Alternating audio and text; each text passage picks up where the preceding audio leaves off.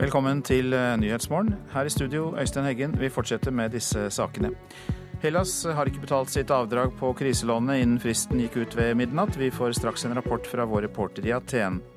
Hva sier en grunnlovsekspert til utspillet fra biskop Helga Haugland Byfuglien om at søndagsåpne butikker er i strid med Grunnloven? Det blir lettere å sette opp garasje og mindre tilbygg på egen eiendom fra i dag, men eh, informer naboene dine først uansett, sier konfliktrådet. USA og Cuba gjenåpner sine ambassader i Havanna og Washington. Det blir kunngjort i dag. Som ventet, eh, kriselånet er ikke betalt ved forfall fra Hellas, altså. Og reporter i Aten, Gunn Evy Auestad. Er det kommet noen signaler fra den greske regjeringen om eh, nye samtaler med EU? Ja, det ble gjort flere mislykka forsøk fra gresk side i går kveld på å få i stand nye avtaler i siste liten. Eh, til slutt så ba de om en betalingsutsettelse, og Det internasjonale pengeforbundet har i natt svart at de vil vurdere det. Samtidig skal finansministrene i EU møtes igjen i dag for å diskutere det siste greske forslaget om forlengelse av eh, låneprogrammet. Men det er likevel en eh, nokså fastlåst situasjon grekerne våkner opp til i dag.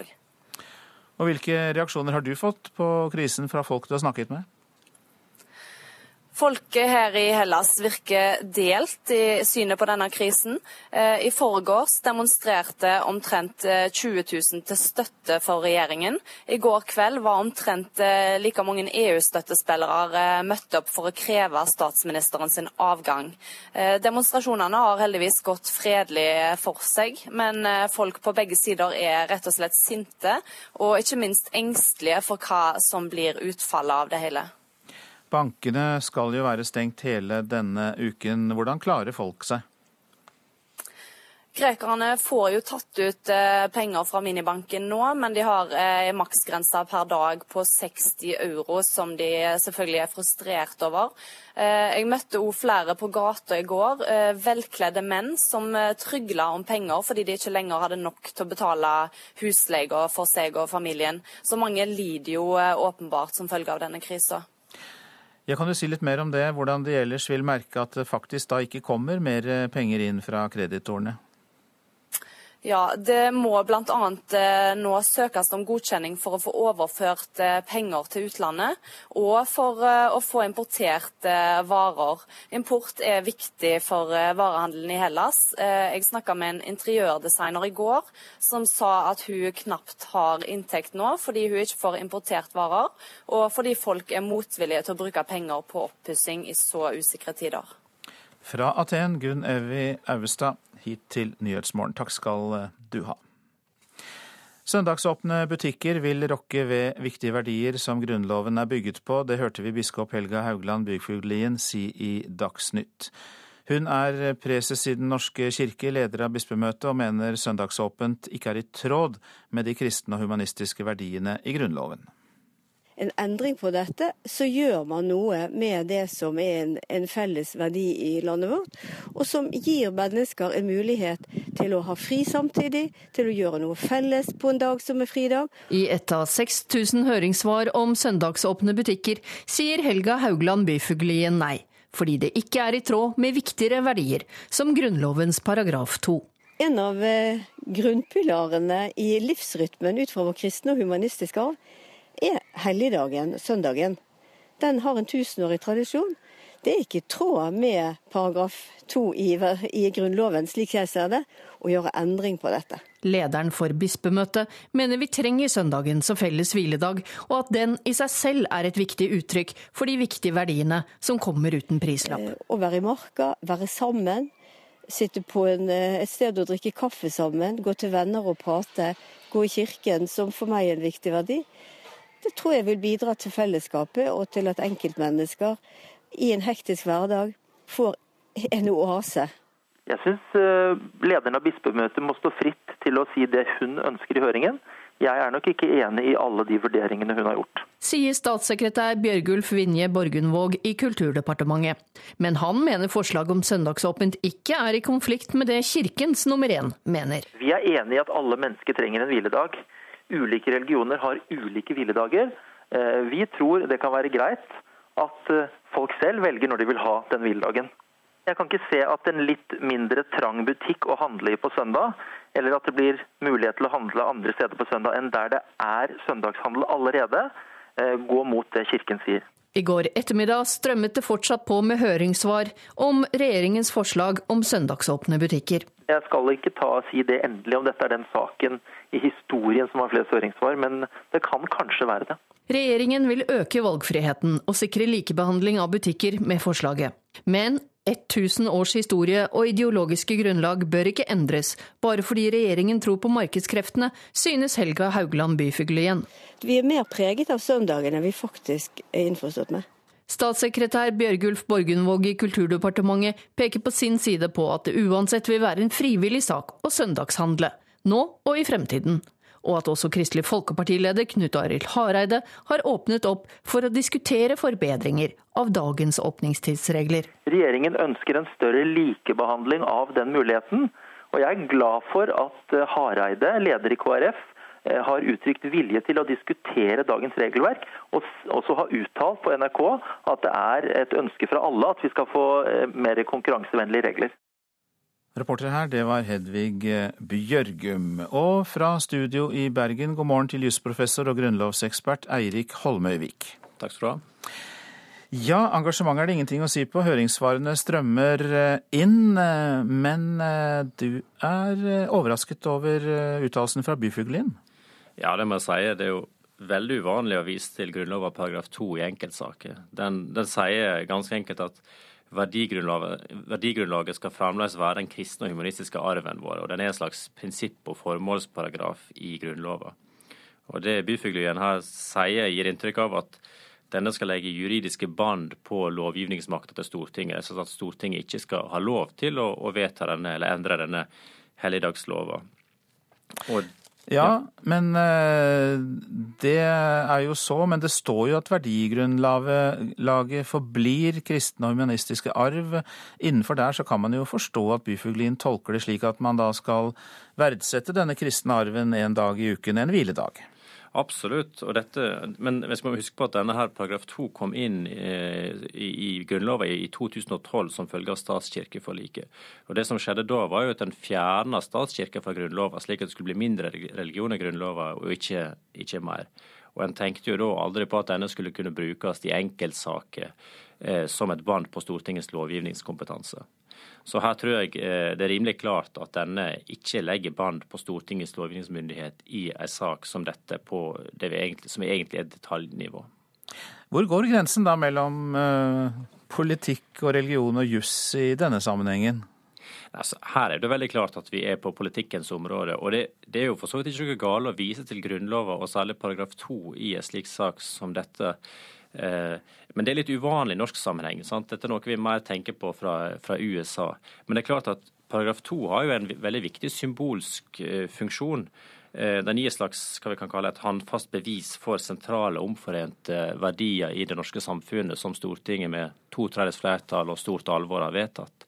Slik at Byfuglien kan jo bruke paragraf 2 og si at disse verdiene er vi iallfall enige om. Dette står et samla storting bak. Eh, det står i Grunnloven, og det bør eh, få politiske konsekvenser. Men dette er altså ikke juridiske konsekvenser, slik en kan få inntrykk av når en hører Buffuglien. Så når Stortinget setter seg ned og til slutt skal stemme over dette med søndagsåpne butikker eller ikke, Eirik Holmøyvik, eh, da er de da ikke i strid med Grunnloven etter din vurdering hvis de svarer ja på åpnings, åpning på søndag? Nei, det er helt klart. Dette kan Stortinget gjøre. Mange takk skal du ha, jusprofessor og grunnlovsekspert med oss fra studio i Bergen, Eirik eh, Holmøyvik. Fra i dag kan du bygge garasje og andre mindre bygg uten å be om lov fra kommunen eller naboene først. Konfliktrådet utelukker ikke at det kan føre til flere nabokrangler. På Byggmakker i Bodø er kundene spente på hvordan de nye reglene påvirker naboskapet. Det er jo ikke akkurat det man vil, man skulle gjerne hatt et nabovarsel. Det her ikke går utover naboene, så er det jo helt greit. Noen kanskje har lett for å synes det blir for nært, og andre gir fanken. Endringene i plan- og bygningsloven gjør at du ikke lenger må be om tillatelse fra kommunen eller naboene før du bygger garasje eller uthus på inntil 50 kvadratmeter. Leder for konfliktrådet i Salten, Mona Hammerfjell, tror de nye reglene kan skape trøbbel i nabolaget. Kanskje man kan være kreativ og tenke at det ikke er så farlig hva jeg setter opp. Det er ingen andre som stiller noen kritiske spørsmål. Og man får jo i tillegg lov til å bygge nærmere enn man fikk lov til før. Fra i dag kan du bygge én meter fra nabogrensa, mot de gamle reglene som sa at avstanden måtte være på minimum fire meter. Til høsten skal Kurt Olsen i Bodø bygge garasje på tomta si etter de nye reglene. Det er jo mye enklere. Enklere å holde seg til både regler og naboer og alt mulig. Så det blir bra. Har du varsla naboen din om det? Ja da, de vet om det. Alle sammen. Og akseptert. Men ikke alle er like greie å ha med å gjøre. Hittil i år har konfliktrådet mekla i 361 nabokrangler over hele landet. Men uenigheter rundt bygging er ikke den vanligste årsaken til at folk søker hjelp. Men jeg ser jo at denne loven gir åpning for at det kan bli flere sånne saker. Og Mona Hammerfjell fra Konfliktrådet har et råd til byggeklare huseiere. Ring på, si hva du har tenkt, vis de tegninga. Hvordan blir det til slutt? Har du tenkt å male det? Hvilken farge? Når skal det være ferdig? Osv. Dialog er alltid lurt. Man bør diskutere det på forhånd, så går det sikkert veldig bra. De tipsene de eh, formidlet vår reporter Lise Forfang Hagen. Dette er Nyhetsmorgen, klokka den går mot kvart over sju. Dette er hovedsaker. Søndagsåpne butikker er i strid med Grunnloven, mener biskop Helge Haugland Byfuglien. Grunnlovsekspert Eirik Holmøyvik sa nettopp i Nyhetsmorgen at eh, han ikke er enig, at Grunnloven er en verdiveiledning, men at den ikke kan forby søndagsåpne butikker. En tredel av flyktningene som kommer til Hellas over Middelhavet, har dratt fra Syria. Det viser en ny rapport fra FNs høykommissær for flyktninger.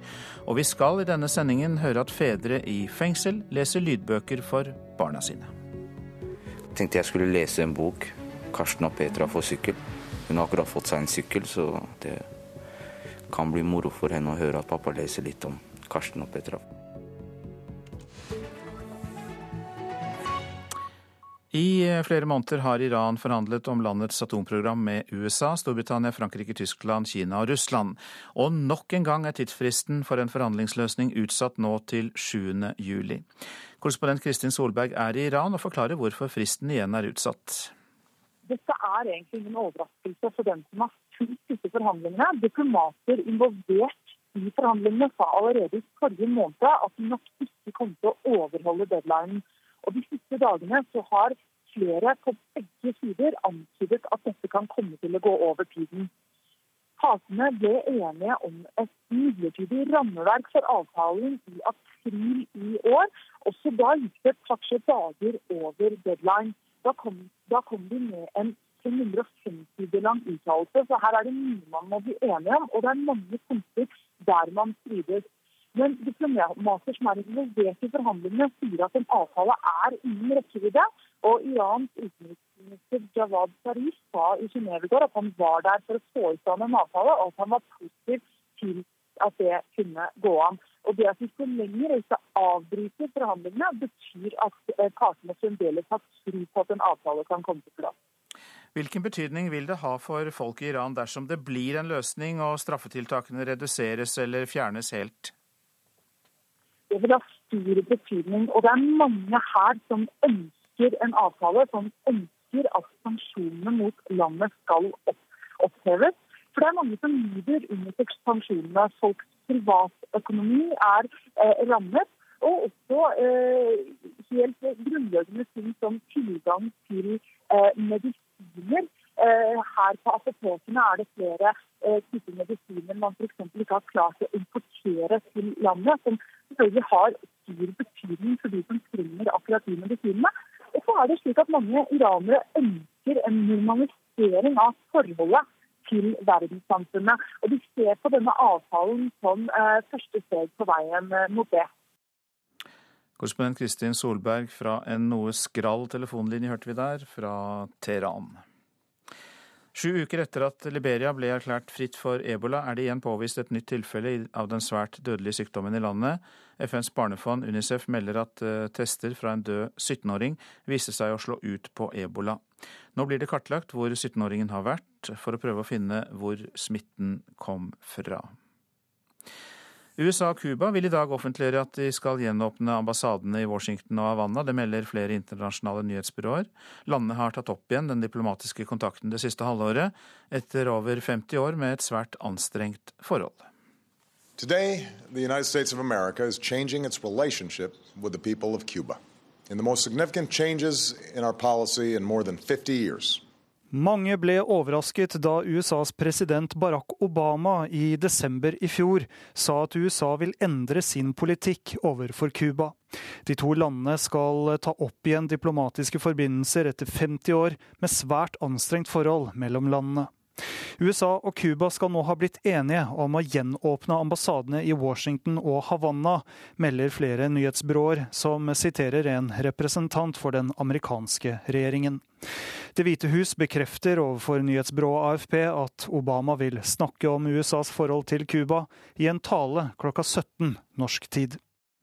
Hans Christian Eide var reporter her. Ja, så er det tid for å se hva avisene har på sine forsider. Det går på grensa løs. Gresk helsevesen ligger med brukket rygg, skriver Dagens Næringsliv. Helsearbeidere har ikke fått lønn på åtte måneder, men går likevel på jobb. Landet tømmes for medisiner. Hellas hjelp står ubrukt, kan vi lese i Klassekampen. Mens grekerne er i desperat pengenød, venter 55 milliarder kroner i kriselån i Norges Bank. Et norsk bidrag som skulle stabilisere europeisk økonomi. Fikk eh, varig opphold etter åtte år. Adresseavisen har møtt familien Matan fra Sri Lanka. Endelig kan jeg sove godt, sier ti år gamle Kavisan. 60 barnefamilier har fått varig opphold etter forskriftsendringen, og det er Venstre-leder Trine Skei Grande så langt fornøyd med. I Oslo sorteres søppel i tre forskjellige poser. I Ski kommune i Akershus samles alltid én pose. Søppelavgiften er tre ganger høyere i Oslo, der deler av avfallet går til biogass som driver hovedstadens busser. Men det betaler folk dyrt for, skriver Aftenposten. Kan tjene 100 millioner kroner på søndagsåpent, men sier nei takk. Vårt Land har snakket med kjøpesentersjef Hans Georg Hellberg på Alna senter i Groruddalen i Oslo. Forslaget er dårlig, vi har behov for en annerledes dag, sier Hellberg. VGs journalist Marie Kingsrød ble stemplet som syk. 21-åringen fikk beskjed om å holde seg unna 45 matvarer etter å ha tatt en blodtest for 5000 kroner på en privat klinikk. Men Marie har verken allergier eller intoleranse, viser omfattende tester hos fastlege og bedriftslege. Legemiddelverket og alle leger VG har snakket med, mener tester av den typen, altså blodtester for å, for å finne ut om man tåler mat eller ikke, kan bidra til å sykeliggjøre folk.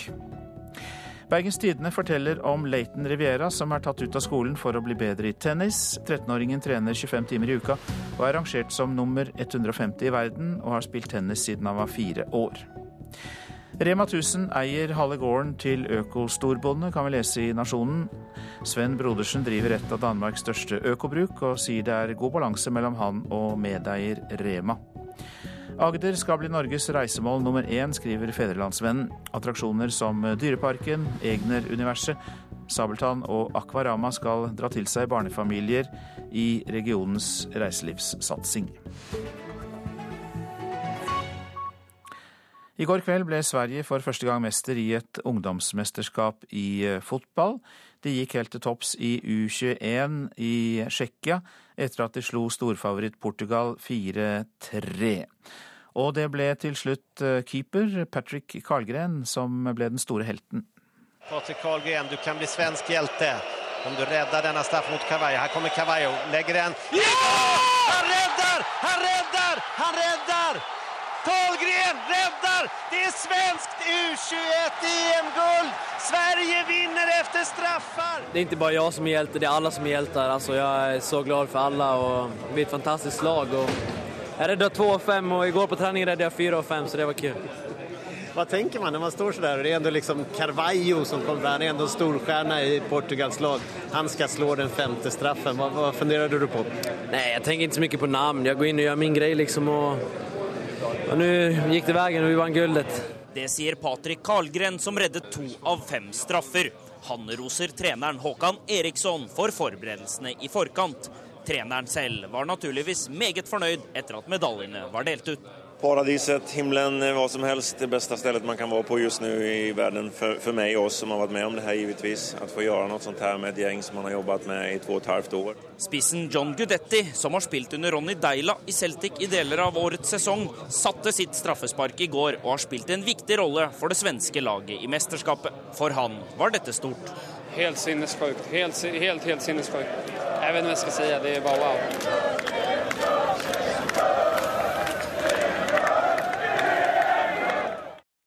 Reporter blant begeistrede svensker, Vegard Aulstad. Det er litt flere innvandrere på kommunevalglisten i år enn tidligere, men fortsatt er det få i forhold til hvor mange de er. En som har kommet seg helt til topps, er en mann fra det tidligere Jugoslavia, i Lenvik i Troms. Her i Troms så kjenner jeg faktisk ingen toppkandidater, bortsett fra meg sjøl, som har innvandrerbakgrunn.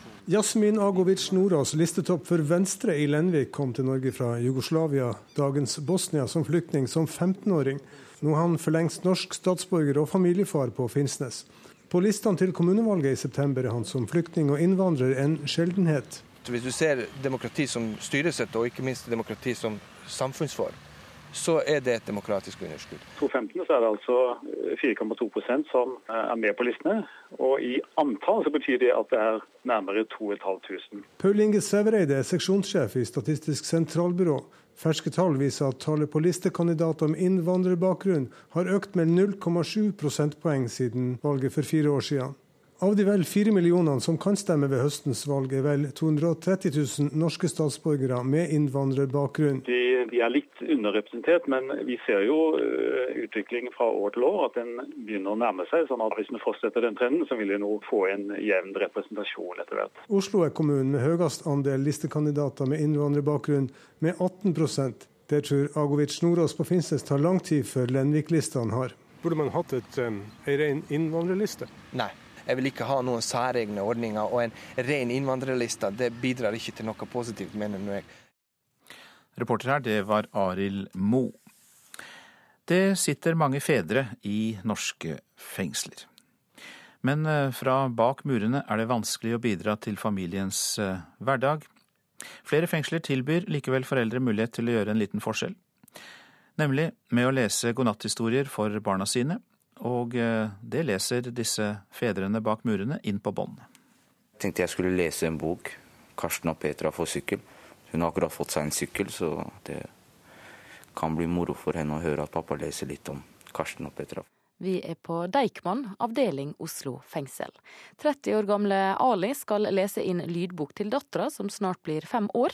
Sjøl sitter han fengsla for drapsforsøk. Jeg gikk jo inn når dattera mi først var seks måneder og blei løslatt når dattera mi skulle fylle fire.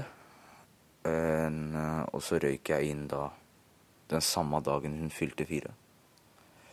Jeg blei pågrepet på bursdagen hennes av bevæpnet politi. Så det har vært en, en dårlig opplevelse. Da. At hun måtte se at pappaen hennes blei pågrepet med væpnet politi. Det var veldig trist. da. Og nå sitter jeg her, og så skal jeg bli sittende her en god stund til. Så jeg har gått, jeg har gått glipp av alle de fantastiske tingene en, fedre, en far ønsker å få med seg. da. Med tanke på at hun krabber, begynner å prate, gå. Og nå har hun endelig fått seg sykkel med støttehjul. Og så skal de støttehjula av igjen. Og så er det skole. Så det er mye jeg har gått glipp av. Veldig trist. Han er en av mange fedre som sitter i fengsel. Mellom 6000 og 9000 barn har en av foreldrene sine bak murene. Og ikke alle er like heldige som Ali. Han har nemlig samboer og datter like i nærleiken. Jeg ser henne faktisk to ganger i uka. Så vi har bra pappa- og datterforhold. Litt småting, som om du sier ett ord bitte litt, eller noe sånt, er på en måte naturlig. Hvis Ja. du hadde sittet hjemme for dattera di og lest, Ja. så hadde du jo ikke gjort det om igjen, på en måte. Nei. Så jeg tenker at det er ikke så veldig farlig. Nei. Men eh, Bibliotekar Sissel Rødland Dalen har eh, satt fram en lydopptaker på bordet. I Oslo fengsel har de i halvannet år tilbudt lydbokinnlesing for foreldre. Hun tror det er verdifullt både for de innenfor og de utenfor murene. Jeg snakka med én eh, spesielt, og det var en som hadde lest inn bl.a. for en veldig liten baby. Og da spurte jeg om Jeg spurte hvordan det gikk med babyen hans. Om han hadde fått sett henne i det siste. Og så Da nevnte han for meg at uh, han var veldig fornøyd med at han hadde fått gjort dette her. Og hans, uh, altså mammaen til babyen hadde fortalt at den babyen sovna til pappas stemme hver kveld, sa de. Så sånne historier blir man jo litt rørt av. Karsten vil lære å sykle, men mamma og pappa sier han må vente. Jeg er jo fem år, sier Karsten. Og nesten alle de andre i gata får lov. Det er altfor farlig, sier mamma. Etter innlesing skal bibliotekar Sissel redigere litt, for så å sende CD-en sammen med et eksemplar av boka til dattera. Ali håper CD-en blir brukt daglig. Jeg håper jo på kveldstid, før hun legger seg. Hva er dine håp for familielivet når du kommer ut? da? Det å være far det er en stor gave i seg selv. Og at jeg kan bare være der til enhver tid og bare bidra og hjelpe til. jeg føler at det ikke er viktigere ting enn det. da familie de har, de har, vært med meg. De har, de har, stått ved siden av meg tykt og tynt. Skjønner du? Jeg har vært sammen med en dame i åtte år, hvor jeg har sittet i fengsel i fem år. Og fortsatt så er hun med meg. ikke sant? Så det er tydeligvis noe jeg gjør riktig når jeg først er ute. Den reportasjen var laget av Ingvild Tanstad. Du lytter til Nyhetsmorgen. I vårt politiske sommerintervju kvart på åtte skal vi til Tromsø. Der får ikke velgerne vite på forhånd om Senterpartiet vil støtte rød eller blå side i bystyret til høsten. Og i reportasjen etter Dagsnytt skal vi til Armenia.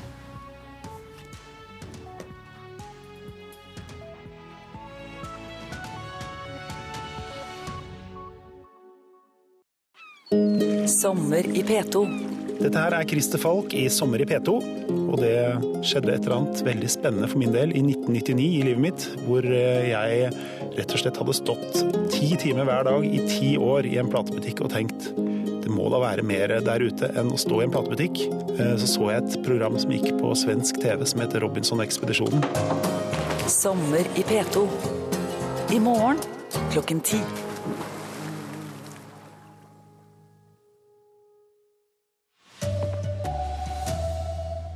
Mange bedrifter har kvitta seg med eldre den siste tida fordi de frykter at folk vil jobbe til de er 72. Unge sparer rekordmye til bostad gjennom BSU-ordninga.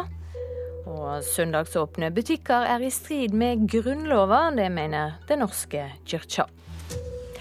Her er NRK Dagsnytt klokka 7.30. Vi starta denne sendinga i Hellas, for landet betalte som varsla ikke avdraget på kriselånet som forfall ved midnatt. Med nå reporter i Aten Gunn Evi Auestad. I går ettermiddag kom Hellas med et ønske om en ny toårig redningspakke. Hva skjer videre i dag? I dag eh, har finansministrene i EU varsla at de vil eh, møtes igjen for å diskutere en eventuell forlengelse av eh, låneprogrammet. Hellas har også bedt om en betalingsutsettelse til Det internasjonale pengefondet. De har i natt svart at de vil vurdere det. Så nå gjenstår det å se hva som kommer ut av dette. Hva sier folk du har snakka med i Hellas? Ja, Det greske folket ser ut til å være delt eh, i synet på denne krisa. I forgårs demonstrerte eh, ca. 20 000 til støtte for regjeringen.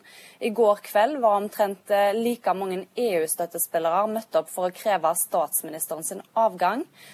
Demonstrasjonene har heldigvis gått fredelig for seg, men folk på begge sider er sinte, og de er engstelige for hvordan dette vil ende. De greske bankene er stengte hele denne veka. Hvordan klarer folk seg? Ja, eh, Grekerne får jo tatt ut penger i minibanken, men de har ei maksgrense på 60 euro per dag. Og Jeg har møtt eh, flere på gata her, velkledde menn, som trygler om penger for de ikke lenger har nok til å betale husleier for seg og familiene sine. Eh, så det er åpenbart mange som lider pga. denne krisa. Takk skal du ha for at du var med, Gunn Evy Auestad.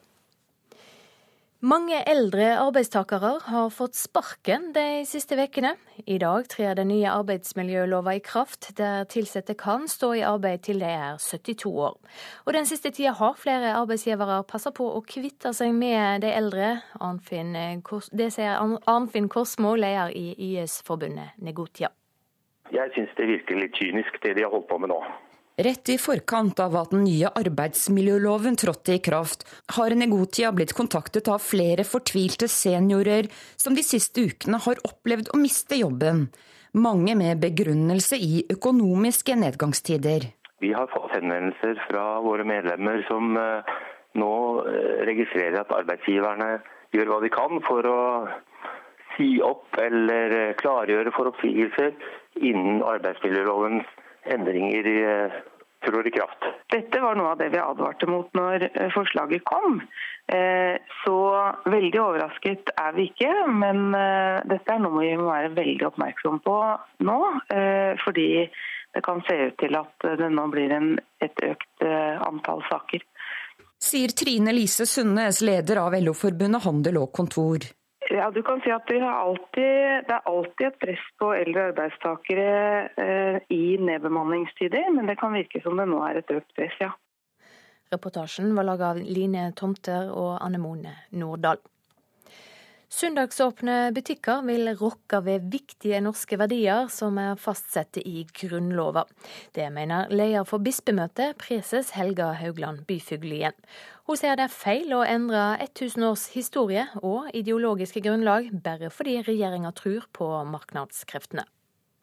En av eh, grunnpilarene i livsrytmen ut fra vår kristne og humanistiske arv er helligdagen, søndagen. Den har en tusenårig tradisjon. Det er ikke i tråd med paragraf 2 i, i Grunnloven, slik jeg ser det, å gjøre endring på dette. En tredel av alle flyktninger som kom til Italia og Hellas via Middelhavet, er fra Syria. Det viser en ny rapport fra FNs høykommissær for flyktninger. 83% flere flykta sjøveien første halvår i år, sammenlignet med samme periode i fjor.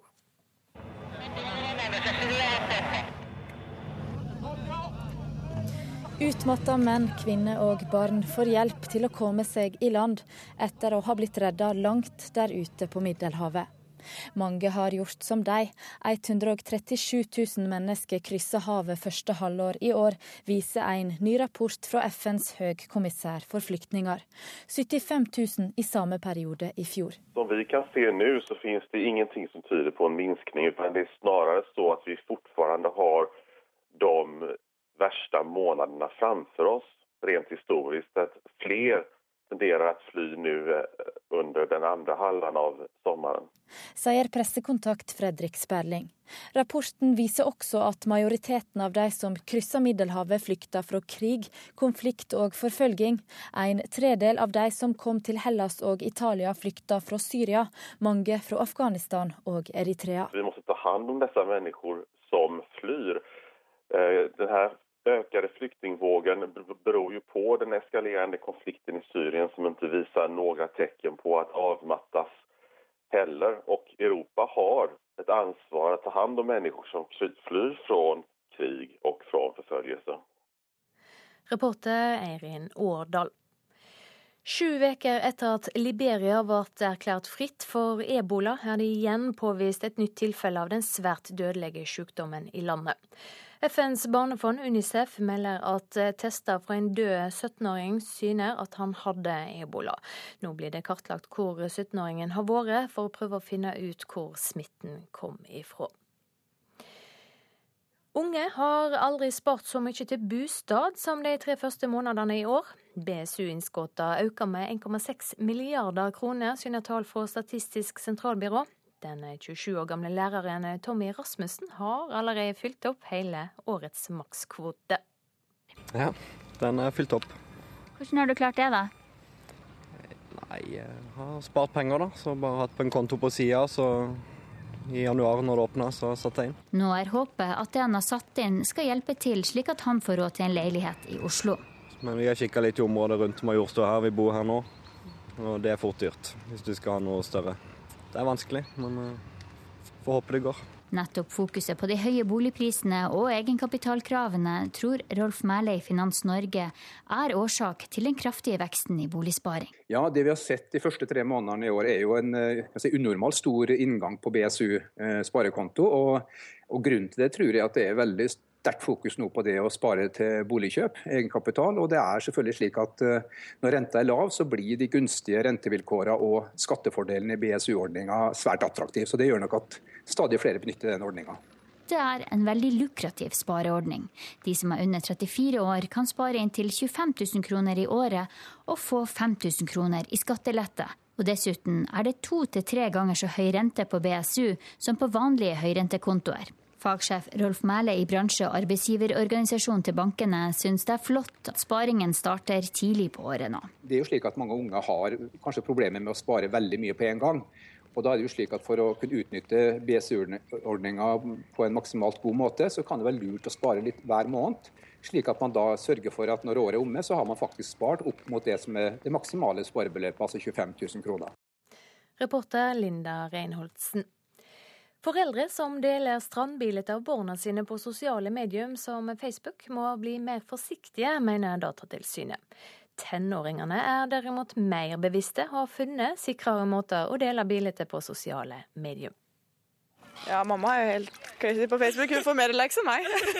Kanskje foreldre tenker at når du eh, på en måte tar og deler et bilde av ditt eget barn, da, så er det greit. Det er ikke alltid greit. Det har ungdommene på stranda i Oslo skjønt. Foreldre og besteforeldre trenger derimot oppdragelse, sier Guro Skårtvedt i Datatilsynet. Bilder fra en sydentur, i det øyeblikket de bildene er lasta opp på et mindre hyggelig sted i utlandet, da er det ikke gøy lenger. Over 60% av de som henvender seg til oss, er over 26 år. Det sier leder Hans Marius Tessem i slettmeg.no, tjenesten for dem som føler seg krenka på nett. Ja, altså så er det nok kanskje de som eh, er voksne, som, eh, som sliter mest. Ifølge seniorforsker Petter Bae Brandtzæg ved Sintef er det fy-fy blant de unge å dele store mengder bilder på Facebook. Det skjer nå i små, lukka grupper på Snapchat og Instagram. De ønsker kontroll over hva som blir publisert om dem, for de vet også konsekvensene av at ting kan komme på avveie. Kanskje litt å tenke av på for alle som skal på ferie. Reporter her, det var Torkil Torsvik. Ansvarlig for denne dagsnyttsendinga, Ellen Omland. Teknisk ansvarlig, Guri Hertzberg Finnsveen. Her i studio, Silje Sande.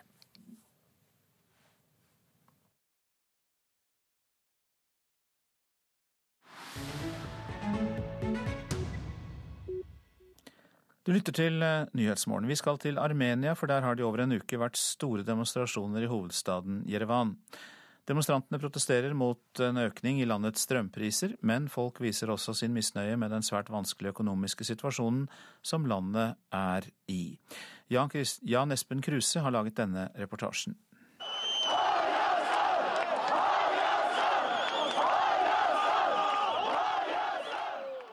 Rasende demonstranter blokkerer en av hovedgatene gjennom Armenias hovedstad Jerevan. I over en uke har inntil 15 000 mennesker deltatt i en av de største protestmarkeringene på svært lang tid.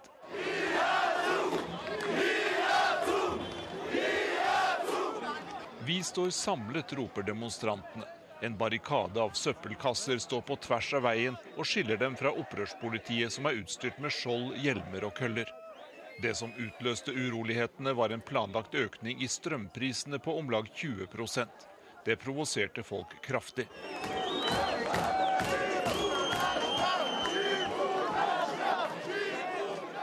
Vi nekter å bli robbet, står det på plakater som demonstrantene holder. Den økonomiske situasjonen i Armenia har blitt stadig vanskeligere. Armenerne er svært avhengige av Russland og fallet i oljeprisen, i tillegg til de vestlige straffetiltakene, har rammet russerne hardt. Problemene har forplantet seg til Armenia. Landets energiselskap er eid av et russisk selskap, og svært mange armenere mener at prisøkningen er ren plyndring. Argumentet om at den armenske valutaen har blitt svekket det siste året, og at prisjusteringen derfor er nødvendig, har folk flest liten sans for.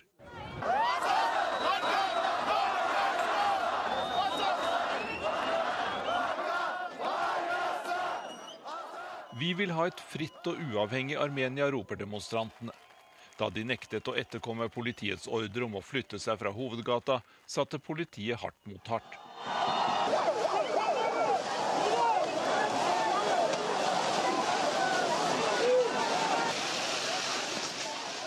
Opprørspolitiet satte inn vannkanoner og gikk løs på både demonstranter og journalister.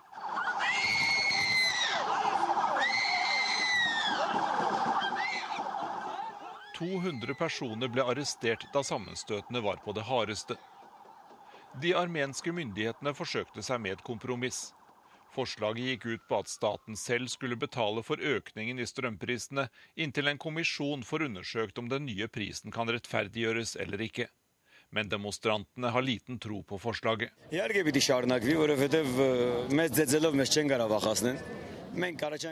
Protestene kommer selvsagt til å fortsette. Vi lar oss ikke stoppe etter all politibrutaliteten vi har vært gjennom, sier denne mannen.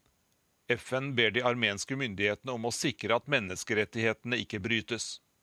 Politiet på sin side understreker at deres oppgave er å opprettholde ro og orden.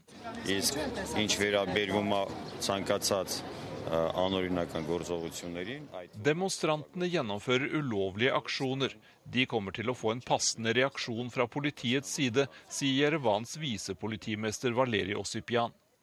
I januar i år gikk Armenia med i den euroasiatiske økonomiske unionen, som ledes av Russland. Tidligere forsøk på tilnærming til EU ble stanset av landets nåværende ledelse. Nå er befolkningen på 3,2 millioner svært frustrert over at økonomiske problemer og fattigdom brer om seg i det armenske samfunnet.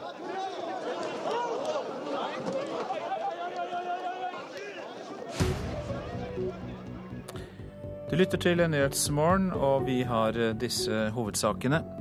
Mange bedrifter har kvittet seg med eldre den siste tiden, fordi de frykter at folk vil ønske å jobbe til de er 72, sier Arnfinn Korsmo, leder i YS-forbundet Negotia. Søndagsåpne butikker er i strid med Grunnloven, mener preses i Den norske kirke, Helge Haugland Byfuglien.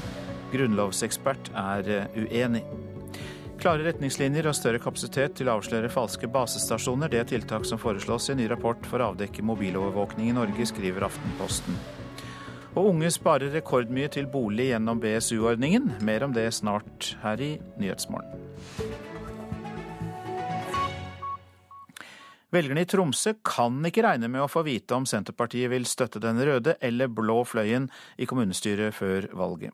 Det sier hun vi nå skal møte i vår politiske sommerserie.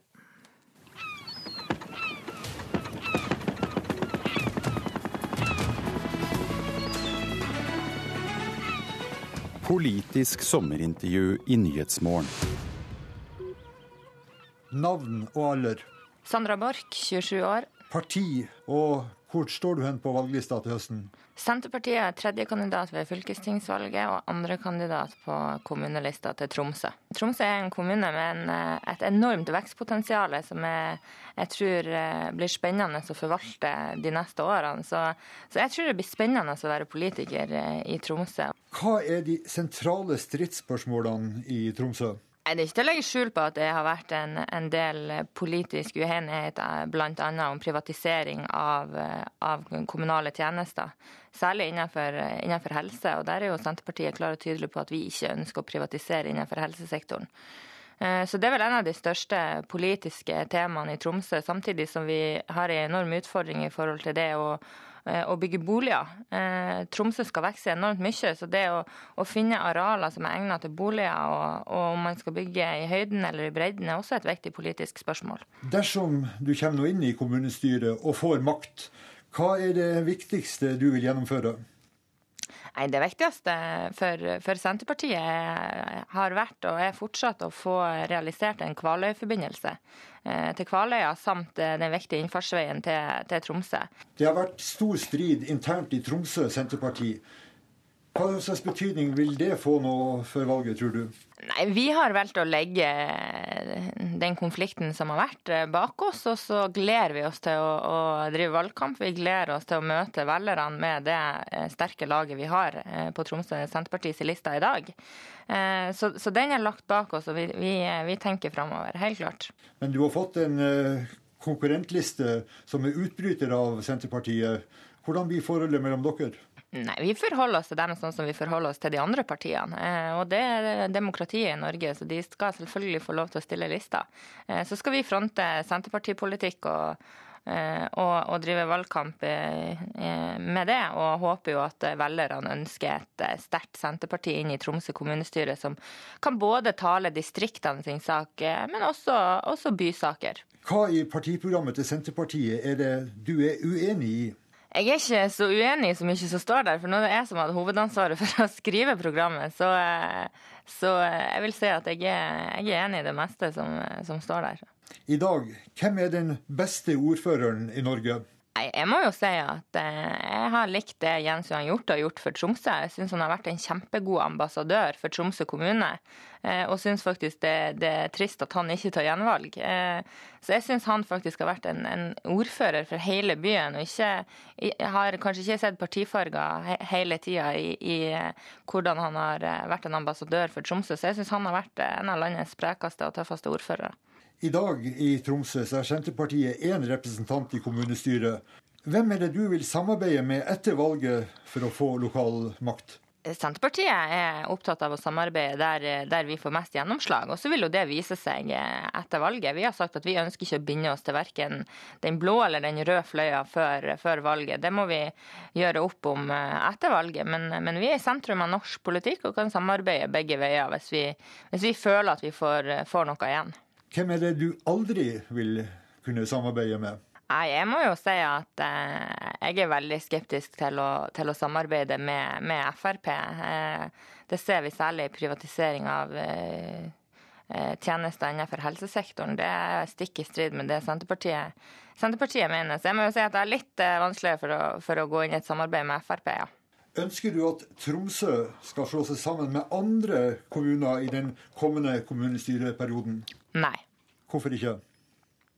Jeg mener at eh, for det første så må kommunene sjøl få, få bestemme, bestemme, det, eh, de, de, rundt oss. Eh, men jeg mener jo at Tromsø er en stor nok kommune fra, fra før av. Og så er det jo Senterpartiet har vært tydelig på at vi ønsker vi ønsker ikke å tvangssammenslå kommuner, men hvis det er sånn at Balsfjord eller andre kommuner rundt har lyst til å slå seg sammen med Tromsø, så skal vi selvfølgelig gå i en dialog. Men det må være opp til kommunene, kommunene og innbyggerne sjøl. Hvis kommunene sjøl får bestemme, ønsker du søndagshandel i Tromsø?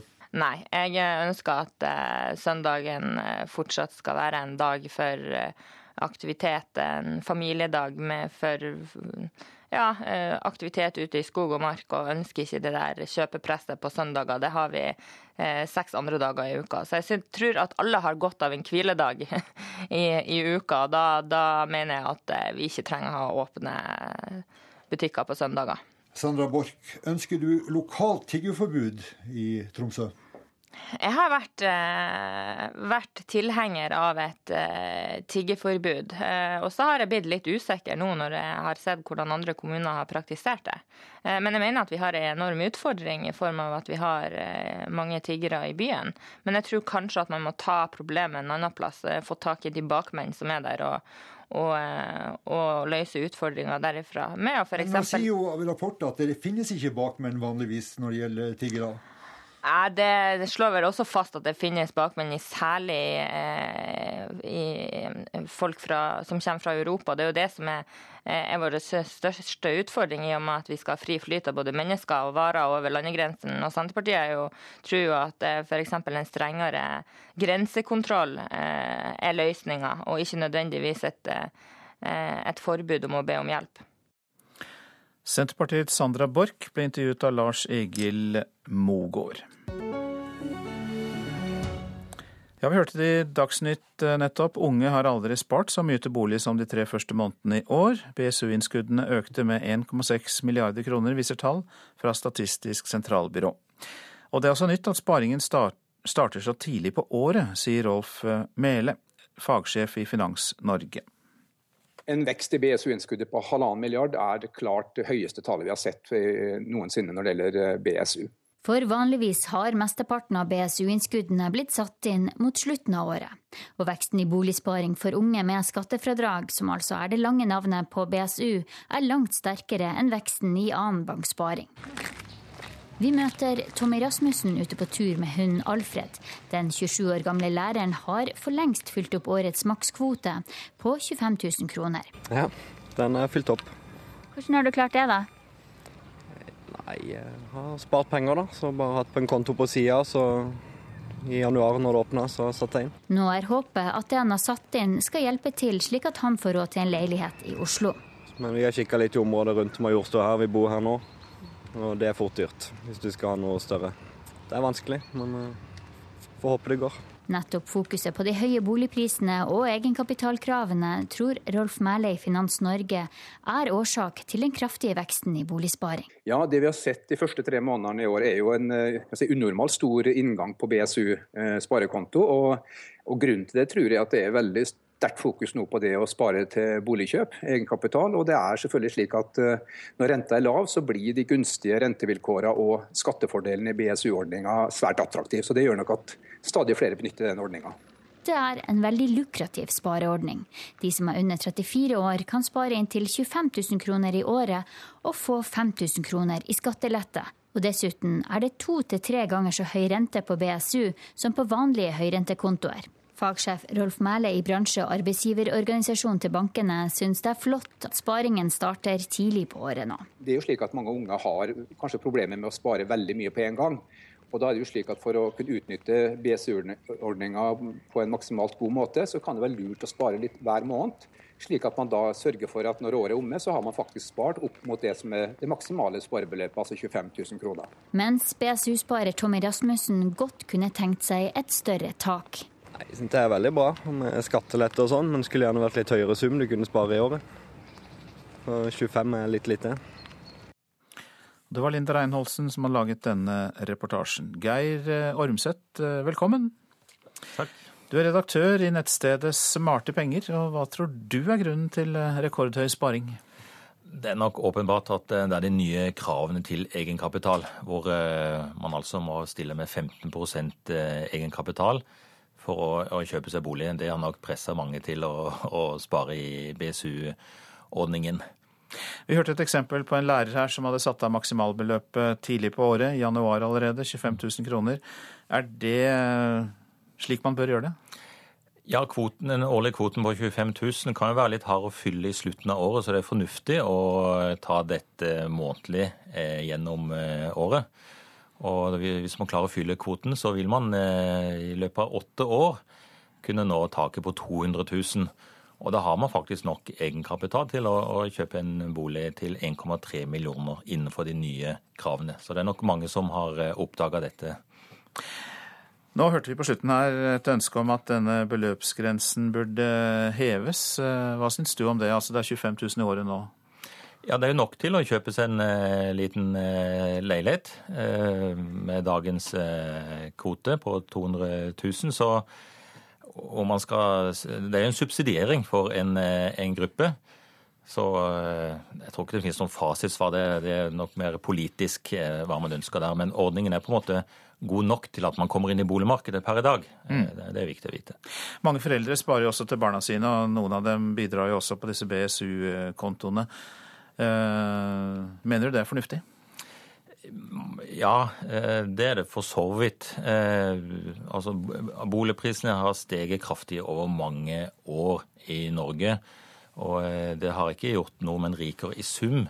Det, det, som har skjedd, er, det, er jo, det gir en stor formuesoverføring fra de som kjøper seg bolig på vei inn i boligmarkedet, til de veletablerte. Så når man ser det slik, så, så, er det kanskje rettferdig at eh, de eldre gir noe penger tilbake til eh, de som skal inn i eh, boligmarkedet. Ja, så det store bildet er da at de unge betaler på en måte til de eldre ved at prisene er så høye nå. Så hvorfor ikke få litt igjen fra foreldrene nettopp? Det, det er jo et godt argument for de som er yngre. Ja, altså den sterke boligprisveksten er utvilsomt en stor formuesoverførsel fra, altså de yngre, fra de yngre til, eh, til, de eldre. Så eh, inngangsbillettene har blitt eh, svært høy. Så eh, det kommer godt med for å komme inn i, i boligmarkedet i dag. Og det er jo i byene eh, ungdom stort sett eh, skaffer seg jobb, og der er prisene veldig høye. Helt på tampen, kan det også lønne seg å låne penger og sette over i BSU? Ja, BSU-renten er jo faktisk en god del høyere enn eh, lånerenten. Eh, det er fordi bankene subsidierer den renten, fordi ungdom er den mest attraktive kundegruppen. Her har de, Ungdom har jo et helt bankliv foran seg med, hvor de kan selge inn spareprodukter og, og lån.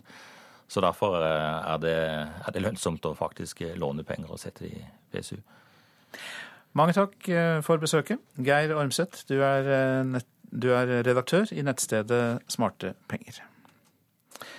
Så skal jeg si litt om eh, været, og fjell i Sør-Norge starter vi jo alltid med først. Noen regnbyger i nord først på dagen, ellers opphold og lange perioder med sol. Østlandet får det meste pent vær. I kveld kan hende enkelte tordenbyger nord i Hedmark. Telemark og Agder ser vi samlet. Der blir det lettskyet pent vær. Rogaland og Hordaland samlet. Etter hvert pent vær. Sogn og Fjordane sørlig liten kuling utsatte steder og stiv kuling på kysten i nord. I kveld, kveld minkende vind. Først på dagen kan hende enkelte regnbyger, men etter hvert pent vær også i Sogn og Fjordane. Møre og Romsdal først på dagen litt regn, og fra i formiddag enkelte regnbyger. Kan hende med torden, ellers opphold og perioder med sol. Trøndelag skyet vær, stort sett opphold. Fra i ettermiddag perioder med regn og regnbyger, kan hende også med torden. I kveld lettere vær igjen i Trøndelag.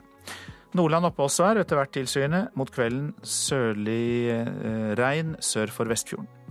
Troms pent vær, men i kveld tilskyende i sør. Finnmark spredte regnbyger, vesentlig da på kysten i øst. Perioder med sol, særlig på vidda. Nordensjøland på Spitsbergen stort sett skyet oppholdsvær. Fra i ettermiddag litt regn i eh, vest. Temperaturer målt klokka sju har vi ikke fått inn fra meteorologisk i dag, men vi har tatt vare på temperaturene fra klokka fem i natt, så da bruker vi dem. Svalbard lufthavn seks, Kirkenes og Vardø sju, Alta åtte, Tromsø-Langnes sju, Bodø åtte, Brønnøysund ni. Trondheim-Værnes tolv, Molde 13, Bergen og Stavanger 16. Kristiansand-Kjevik 11, Gardermoen 15, Lillehammer 14, Røros 8 grader og Oslo-Blindern 16 grader. Og det var altså klokka fem i natt.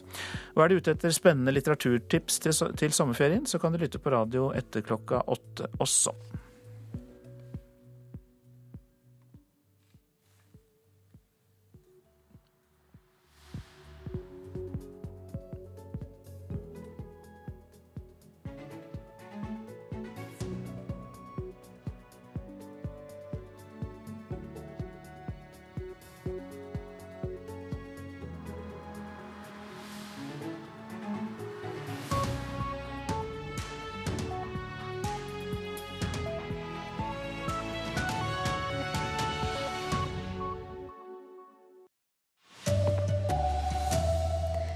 Flere bedrifter har kvitta seg med eldre ansatte den siste tida for å unngå at folk jobber til de er 72.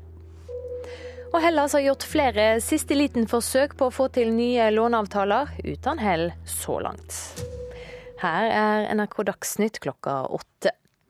Mange eldre arbeidstakere har ifølge LO fått sparken de siste ukene.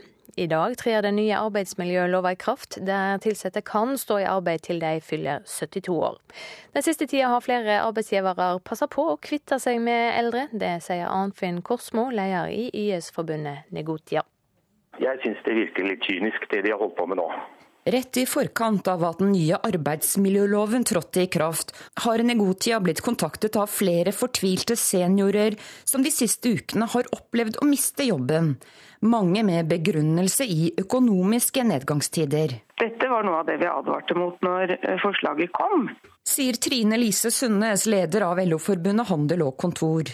Ja, du kan si at alltid, det er alltid et press på eldre arbeidstakere eh, i nedbemanningstider, men det kan virke som det nå er et økt press, ja. Reporter Line Tomter. Hellas har ikke betalt avdraget på kriselånet som forfall ved midnatt. Det stadfester Det internasjonale pengefondet. Dermed har Hellas misligholdt lånet, men landet jobba sent i går kveld med å få til en ny avtale, forteller reporter Gunevi Auestad fra Aten. Det ble gjort flere mislykka forsøk fra gresk side i går kveld på å få i stand nye avtaler i siste liten. Eh, til slutt så ba de om en betalingsutsettelse.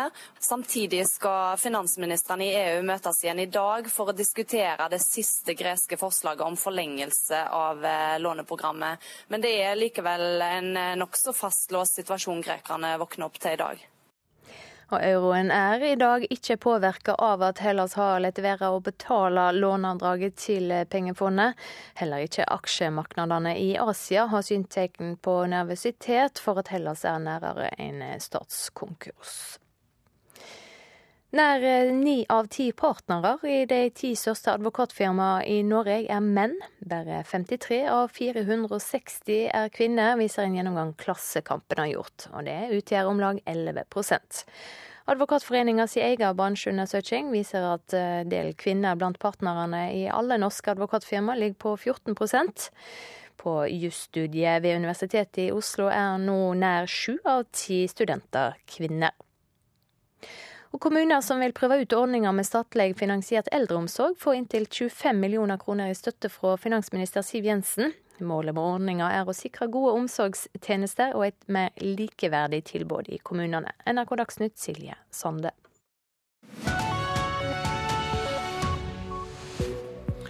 Nyhetsmorgen fortsetter med disse sakene. En tredel av flyktningene som kommer over Middelhavet, kommer fra Syria. USAs president Barack Obama oppfordrer europeiske ledere til å gå inn i en ny avtale med Hellas. Foreldre og besteforeldre er verstingene når det gjelder deling av lettkledde bilder på nett. Og sommer og spenning er tema for vår litteraturanmelder Leif Ekle, som snart kommer hit i studio.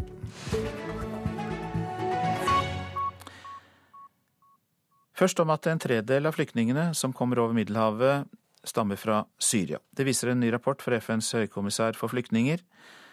137 000 har flyktet over Middelhavet siden nyttår, og det er en økning på 83% sammenlignet med samme periode i fjor.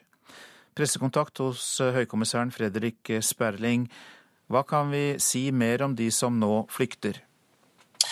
Ja, det, det, kan man si at det er som du sier en dramatisk økning på 83 procent och man kan ju också se att majoriteten av dem som i dag flyr, de flyr fra krig og forfølgelse fra framfor alt Syrien men også liksom fra Afghanistan og fra Eritrea framfor alt. Hvordan ser det ut eh, framover? Eh, det har jo vært en veldig dramatisk økning, og vi tror kanskje vi hoppas att det såklart inte ska bli värre men vi befarar att så kommer att ske. Vi har sett tidigare i år att flyktingströmmen tenderar att öka nu under den andra hälften av sommaren så att, eh, att flyktingströmmen ska minska det är nog en förhoppning som inte kommer att infrias. Er dette overveldende for verdenssamfunnet? Er verdenssamfunnet i stand til å håndtere dette? Om man tittar på flyktingströmmarna i stort, vi har ju 60 miljoner människor på flykt i världen idag. 86 procent av dem finns i utvecklingsländerna. Tittar man på Syriens närområden så har vi 4 miljoner flyktingar. Europa tar emot några få procent, en liten rännil av alla dessa människor. Så att Europa kan ta emot dessa flyktingar. Men det sättet som det sker på idag är ju inte tillfredsställande där människor riskerar sina liv på båtar över Medelhavet som lägger sina livsbesparingar på människosmugglare utan det måste finnas legala vägar för dessa människor att kunna söka skydd från krig och förföljelse. Detta är jo människor som inte vill lämna sina hem, som kommer från ordnade förhållanden, ofta en medelklassmiljö. Och Europa har ju ansvaret, tycker vi, att visa solidaritet med dessa människor. Mer ansvar fra Europa, sier du, Fredrik Sperling. Andre tiltak som du har tenkt igjennom, som du vil anbefale å sette i verk? Vi på UNHCR välkomnar ju EU-kommissionens plan om å ta imot 20 eh, 000 kvotflyktingar og att omlokalisere 40 000 flyktingar från de hårt ansatta länderna Italien och Grekland. Nu har inte det blivit några bindande siffror men riktningen är åt rätt håll och det är en sån riktning som vi anser att man måste gå. Vi måste utöka antalet kvotflyktingar man måste också arbeta med en utökad familjeåterförening och kanske också andra sätt för människor att på ett legalt väg ta sig som humanitära visum, arbetstillstånd, studerandevisum och så vidare. Det finns många olika sätt för människor att komma lagligt till Europa.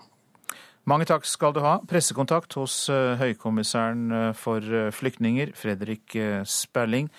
Og vi tok kontakt med han i forbindelse med at det er rekordmange flyktninger fra Syria over Middelhavet siden nyttår. 137 000. USAs president Barack Obama sier han fortsatt oppfordrer europeiske ledere til å få til en ny avtale med Hellas, som forhindrer at landet forlater eurosonen. Hellas har jo ikke betalt avdraget på kriselånet som forfalt ved midnatt, og i USA er bekymringen stor for hva det kan føre til, både økonomisk og sikkerhetspolitisk. It is uh, an issue of substantial concern, primarily of concern to Europe. Vi er svært bekymret for det som skjer i Hellas, sa president Obama på en pressekonferanse i går. Han forsøkte samtidig å understreke at det først og fremst er Europa som blir skadelidende dersom Hellas forlater eurosonen. This is not something that we believe will have a major shock to the system, but it can have a significant effect on growth rates in Europe. Jeg tror ikke det vil skape et sjokk for systemet, men det kan ramme veksten i Europa, sa den amerikanske presidenten. Men mange eksperter her mener han forsøker å roe ned situasjonen og få den til å høre mindre dramatisk ut enn den faktisk er. Samtidig forsøker nemlig Obama å få europeiske ledere til å gjøre enda litt mer for å forhindre en grexit. Obamas finansminister Jacob Lew snakket i går med sine kolleger i Nederland, Italia og Frankrike. Og Obama holder trolig selv tett kontakt med sin nære allierte Angela Merkel. For USA er bekymringen i forhold til Hellas både økonomisk og sikkerhetspolitisk. Skulle landet forsvinne ut av eurosonen, er frykten stor her for at Hellas skal snu seg til Russland for hjelp. Hellas' strategisk viktige plassering sør i Europa, nær Midtøsten, gjør det viktig for USA at landet er en del av det europeiske fellesskapet. Men i første omgang er det altså de økonomiske effektene som er viktigst. Da Hellas i natt unnlot å betale et avdrag på 1,5 milliarder euro til IMF, havnet landet i samme klubb som Zimbabwe, Somalia og Sudan. Tove Bjørgaas, Washington. Norge har svart belte i fredsmekling ute i verden, men klarer ikke å kommunisere med russerne i en vanskelig tid. Det skal vi høre mer om, men eh, aller først så skal vi snakke om noe ganske annet, nemlig Apples nye strømmetjeneste. Ble lansert i går i mer enn 100 land, deriblant Norge, og det er store forventninger da knyttet til programmet som skal gjøre strømming til den vanligste måten å høre musikk. One more thing. Apple sin sjef Tim Cook på scenen foran en hylende sal proppfull av Apple-fans tidligere denne måneden. Denne gangen var One More Thing den nye strømmetjenesten Apple Music. Music Og i går klokka fem på ettermiddagen norsk tid ble programmet sluppet. Musikk skal bygges ut av glede. Og for å si det med Lill Lindfors, så er det faktisk en glede å ha nær sagt all verdens musikk tilgjengelig på telefonen. Men dette er da strengt tatt ikke noe nytt. Hi, I'm Jonathan from Spotify. Det er nå hele sju år siden Spotify ble lansert. De har mer enn 75 millioner brukere verden over og vokser svært raskt. I USA er nettradioen Pandora størst, også de med 75 millioner brukere. Apple har altså sittet på gjerdet siden 2008 og ventet på at konkurrentene skal vokse seg store og sterke. Om det var særlig smart, vil tiden vise. When the music's over, yeah. Reporter her, det var Petter Sommer. Men vi gir oss ikke så lett med dette temaet, for Daniel Norgård, du er med oss fra Kristiansand. God morgen til deg. God morgen til deg. Førsteamanuensis ved Institutt for rytmisk musikk ved Universitetet i Agder. Ekspert på digitaliseringen av musikkbransjen. Og hvordan er din vurdering av det nye tilbudet fra Apple? Altså Først og fremst er det jo eh, det har vært eh, altså, venta på ganske lenge, så det er veldig gøy når det endelig kommer. Og eh, Det er jo en veldig, det er en pen avspiller, og det er en, en brukervennlig avspiller. Og Fine farger, fin opplevelse. Og så trengs det helt sikkert litt tid på, på å bli bedre kjent med den. Så er spørsmålet hva skiller Apple Music fra de andre strømmetjenestene som Wimp, Tidal og Spotify? Du kan si det, det første som slår, og som, som, flere har kommentert på, som er ganske tydelig, det er jo at det er lagt mer til rette for, uh, altså for radio, altså for kurateringsbiten. Uh, og Det skyldes nok helt sikkert at det er først og fremst lagt opp til et amerikansk marked, hvor, hvor digital radio har en veldig stor andel, sånn som Pandora, som er sagt i, i innslaget her. Uh, det er lagt opp til en del, av, altså en, en del algoritmebruker, altså en, en del digitale løsninger som gjør at, Spotify, eller at denne iTunes-spilleren skal, skal, finne smaker for det. Uh, minner litt om det man har i Netflix, men som også kan bli litt, litt klaustrofobisk. Ja, det høres ut på meg som den kanskje, i og med at den er laget mest for amerikanske forhold og har disse algoritmegreiene, at jeg ville valgt noe annet? Jeg tror nok at uh, Apple Music først og fremst er mynta på det amerikanske markedet. Og det er nok veld, veldig lurt. Uh, streaming som, som, vi kjenner i, i, Norge, som er on demand streaming à Spotify, Vimp og, og Tidal, uh, har ikke veldig stor utbredelse i det amerikanske markedet. Der er det digitalradio som, som gjelder. Og jeg tror nok at for at streaming som så, sådan skal få en stor, stor utbredelse i USA, så må den òg tilpasses digital radio, som de er veldig vant med.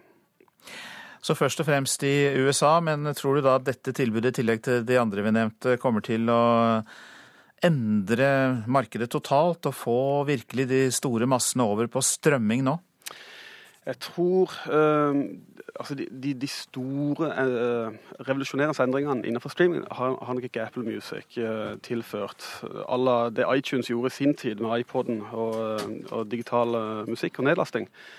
Men at det vil være med til å få streaming eh, som, eh, altså, som hovedplattform for å høre på innspilt musikk, der tror jeg Apple Music vil ha en, eh, en stor uh, innvirkning. Og så vil jo tida vise, de har god tid på seg til å bygge videre på dette og utvide plattformen sin, forbedre den og, og gjøre den større og sterkere. Så ja, god tid eh, på seg. De har jo også brukt veldig lang tid for å komme med denne strømmetjenesten sammenlignet med de andre. Spotify kom jo for, ja, i 2008. Men det, er vel litt av kjennetegnet til, til, Apple. Eh, de bruker god tid. Eh, og når de først ruller det ut, så er det store forventninger. De har veldig masse oppmerksomhet rundt det. Alle det at vi, vi bruker tid og snakker om det akkurat nå, viser jo at de har bygd opp momentum uh, rundt en release av et produkt som får veldig veldig masse oppmerksomhet. Uh. Takk skal du ha, Daniel Norgård, førsteamanuensis ved Institutt for rytmisk musikk ved Universitetet i Agder. Du lytter til Nyhetsmorgen. Klokka den eh, nærmer seg kvart over åtte, og dette er hovedsaker. En tredel av flyktningene som kommer over Middelhavet, kommer fra Syria. USAs president Barack Obama oppfordrer europeiske ledere til å få til en ny avtale med Hellas. Mange bedrifter har kvittet seg med eldre den siste tiden, fordi de frykter at folk vil ønske å jobbe til de er 72.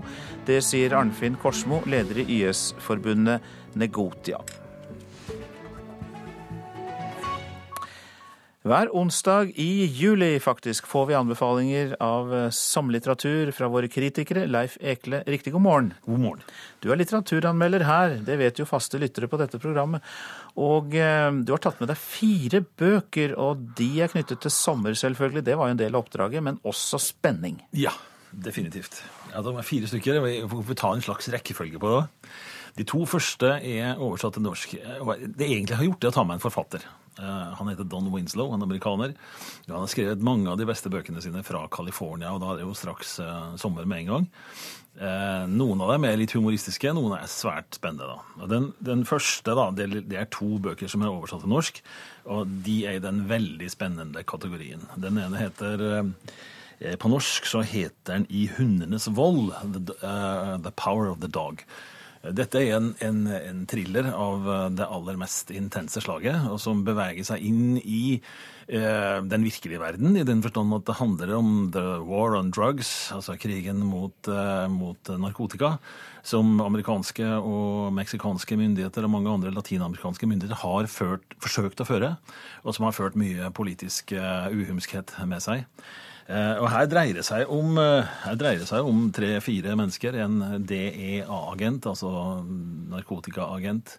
Det er en morder, det er en katolsk prest, eh, og det er en ung luksusprostituert kvinne. Alle disse blir dratt inn i denne historien om narkotikaproduksjon og handel på hver side av grensen. Det foregår i New York, det foregår i Tijuana, Mexico City og i jungelen i Sør-Amerika.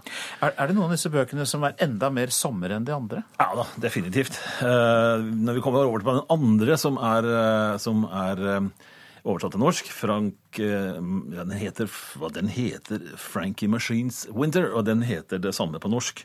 Og den En av sidene ved Frankie Marciano det er at han er surfer. Han er pappa, han er en utmerket elsker, han er en gründer i lokalsamfunnet. Han er godt likt av alle, men så viser det seg at han har en historie som hitman, altså morder, for mobben, og nå vil mobben ta han. Og, og der er det mer sommer, og, og, det er ganske spennende, men det er altså veldig morsomt. Altså. Er det det som er rosinen i pølsa? Nei, det er det ikke. Oi, du har den, venta med den, ja. ja, vi tar rosinen i pølsa til slutt. Eh, denne Don Winslow har oversatt, eller ikke har oversatt, han har gjenskrevet en historie som en fantastisk uh, thrillerforfatter, som kanskje du, både du og jeg er gamle nok til å huske. Han heter Trevanian. Ga ut i 1979 om uh, Nicolai Hell Som er en underlig figur. Vokste opp uh, i litt utydelige forhold i Japan på 40-tallet, delvis under krigen. Don Winslow har skrevet en bok om Hell som foregår i 1951. Mens den, den heter Satori. Det er ikke lenge siden den kom. Så fins det altså en bok fra 1979. Det er en altfor godt bevart hemmelighet. Som heter Satori, nei, som heter Shibumi og som er skrevet av Trevanian, handler om den samme Nicolai Hel, mye om oppveksten hans, om japanske sinnsrospill og om drap uten våpen. Men det handler også om forholdene i verden etter andre verdenskrig, og ikke minst eh, baskerspørsmålet. Mye om baskisk språk. Helt fantastisk bok. Eh, så hvis man leser Satori, som foregår i 51, og Shibomi, som den går an å få tak i, uh, Shibumi, som foregår uh, på 50-tallet. Nei, unnskyld, den foregår på 70-tallet, mens før Franco dør. Så det er en viss trafikk terroristtrafikk over grensa mellom Frankrike og, og Spania i det baskiske området. Eh, så har man to fascinerende bøker som er Det er rosinepølse. Altså. Da oppsummerer jeg det, Leif Ekle, at uh, de historieinteresserte de kan jo selvfølgelig gå løs på den siste du nevner, rosinen i pølsa. Det er spenning der òg, altså, bare har sagt det. ja, ikke sant. Men uh, Don Winslow er uh, sommerens navn. Sommeren, ja, ja, for meg er det det. Ja, for deg er det det. Ja. Men også da en god anbefaling for våre kjære lyttere. Takk skal du ha for at du kom. Jo. Ja, nå om foreldre som deler strandbilder av barna på Facebook. Det må bli mer forsiktig med det, mener Datatilsynet. Advarer mot at sommerlige bilder av lettkledde barn og tenåringer kan bli misbrukt på nett. Foreldre og besteforeldre er verstinger, faktisk, når det gjelder dette, mens norske tenåringer er blitt mye mer bevisste. De har funnet sikrere måter å dele bilder på. Ja, mamma er jo helt crazy på Facebook. Hun får mer likes enn meg. hun legger ut masse bilder, hun, ja. Jeg vet ikke, Kanskje foreldre tenker at når du eh, på en måte tar og deler et bilde av ditt eget barn, da, så er det greit. Mens eh, vi jentene, og også sikkert guttene også, spør jo vennene sine først før de deler det. Ungdommene vi møter på stranda Huk utenfor Oslo har et bevisst forhold til personvern, og vet at deling av bilder helst bør foregå i lukka forum. De er klar over at bilder på en åpen Facebook-profil kan bli stjålet og misbrukt av f.eks. pedofile nettverk, pornosider og datingtjenester. Ungdommen har skjønt det. Det har ikke foreldrene, sier Guro Skåltveit i Datatilsynet. Der eh, har eh, voksengenerasjonen litt å lære bilder fra en sydentur, eh, når de ligger på Facebook-veggen din åpen, så ser du veldig tydelig det er en hyggelig setting.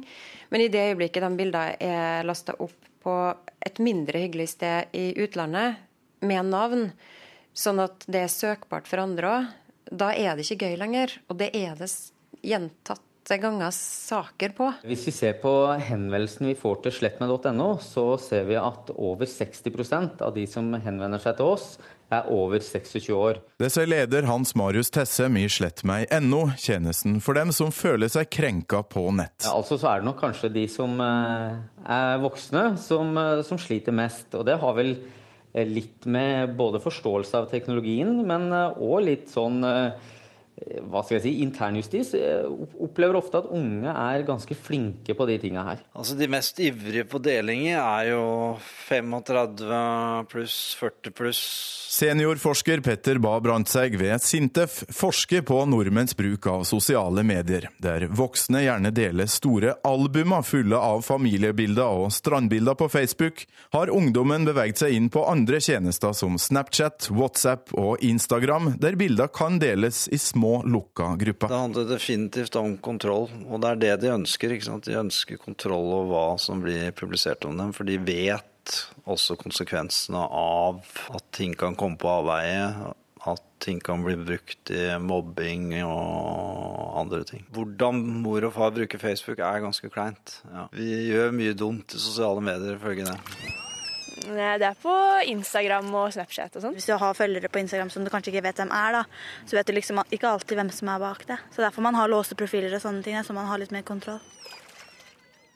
Det sa ungdommene på stranda i eh, Oslo til reporter Torkil Thorsvik.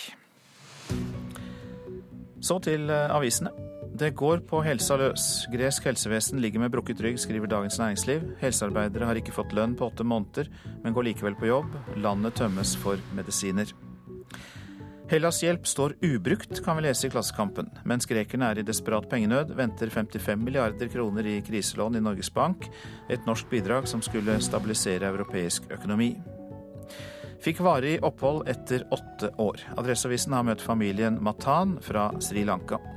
Endelig kan jeg sove godt, sier ti år gamle Kavisan.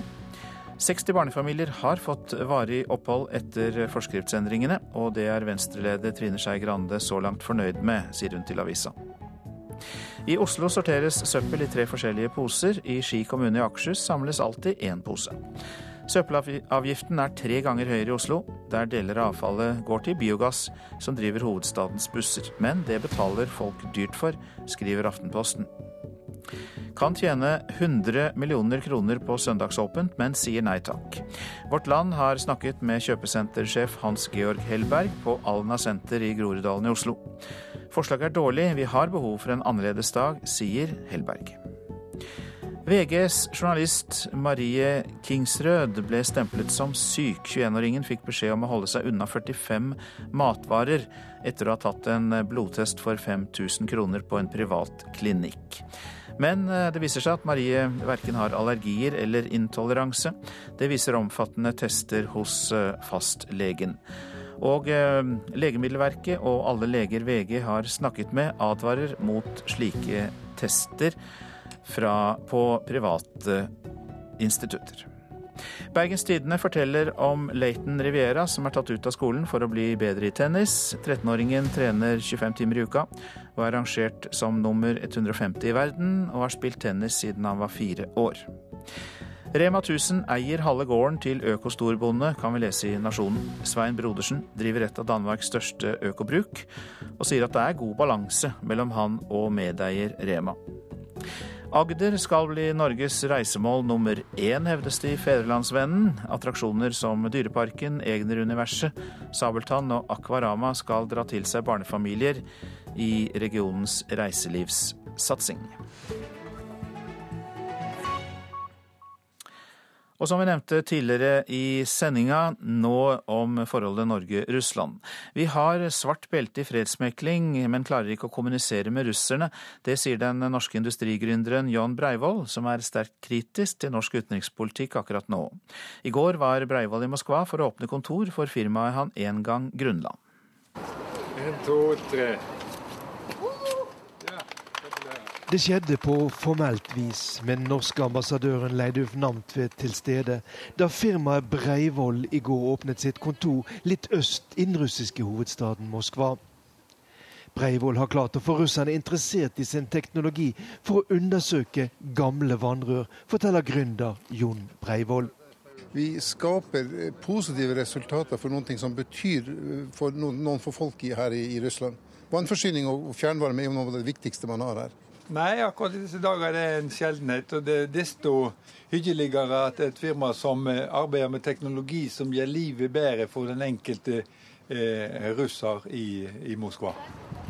Sa Norges ambassadør til Russland, Leidulf Namtvedt, som har rolige dager nå, med tilnærmet politisk isfront mellom de to nabolandene Norge og Russland. Og når nå Breivoll Inspection Technologies går tungt inn i det russiske markedet med eget kontor i Moskva, i en tid med sanksjoner, så er det noe mer enn festivitas og en vanlig nyetablering, sier Jon Breivoll. Jo, Det er klart at det er viktig, for man må ikke bare sette seg ned og være helt stille når det er konflikt. Da må man kommunisere. Og jeg synes dette er en veldig god form for kommunikasjon.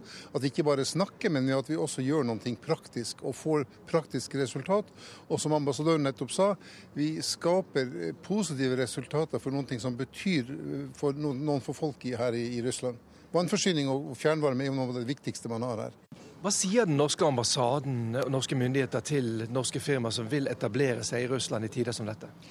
Vi sier det at eh, de må sjøl eh, vurdere eh, for det første at dette er forretningsinteresse.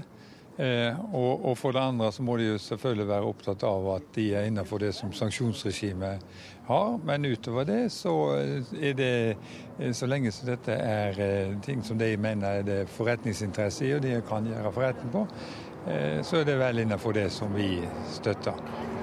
Tromsømannen Jon Breivoll er en av flere nordnorske næringslivsledere som ikke er redd for å kritisere hva de mener er en kortsiktig norsk politikk, med sanksjoner og frys av nesten alle politiske kontakter med Russland. I Norge så har vi svart belte i å invitere alle mulige land fra hele verden som er i konflikt. Men når vi sjøl er i konflikt eller i diskusjon, da liksom stenger vi alle kanaler og ikke har noen kommunikasjon i det hele tatt. og Det provoserer meg og syns det er ganske unødvendig. Du kommer med sterk kritikk av regjeringens politikk overfor Russland akkurat nå? Ja, så jeg har aldri hørt om at man har løst noen ting og til stille og dra dyna over hodet. Jeg tror jo på at man kommuniserer og at man får til løsninger gjennom kommunikasjon.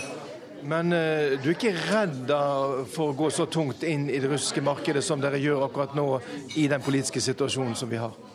Nei, altså vi har seriøse russiske partnere. Vi har jo jobba med dem i to og et halvt år. Så vi vet jo hva de står for, både forretningsmessig og teknologisk. Så vi har overhodet ingen redsel for det. Vi, vi regner med at de ivaretar interessene våre på en veldig OK måte. Det sa Jan Breivoll. Reporter i Moskva var korrespondent eh, Morten Jentoft. Vi lytter til eh, Nyhetsmorgen. Etter Dagsnytt nå så skal vi høre at USAs tidligere president Bill Clinton er på Oslo-besøk. Det blir også mer om Hellas-krisen, og at bedrifter kvitter seg med eldre arbeidstakere av frykt for at de skal bruke den nye arbeidsmiljøloven til å be om å få jobbe til de er 72 år.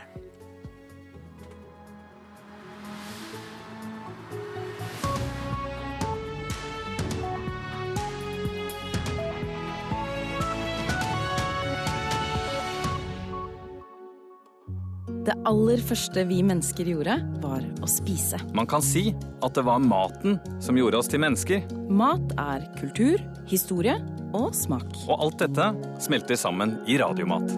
Radiomat med Pia Skjevik og Andreas Wiestad.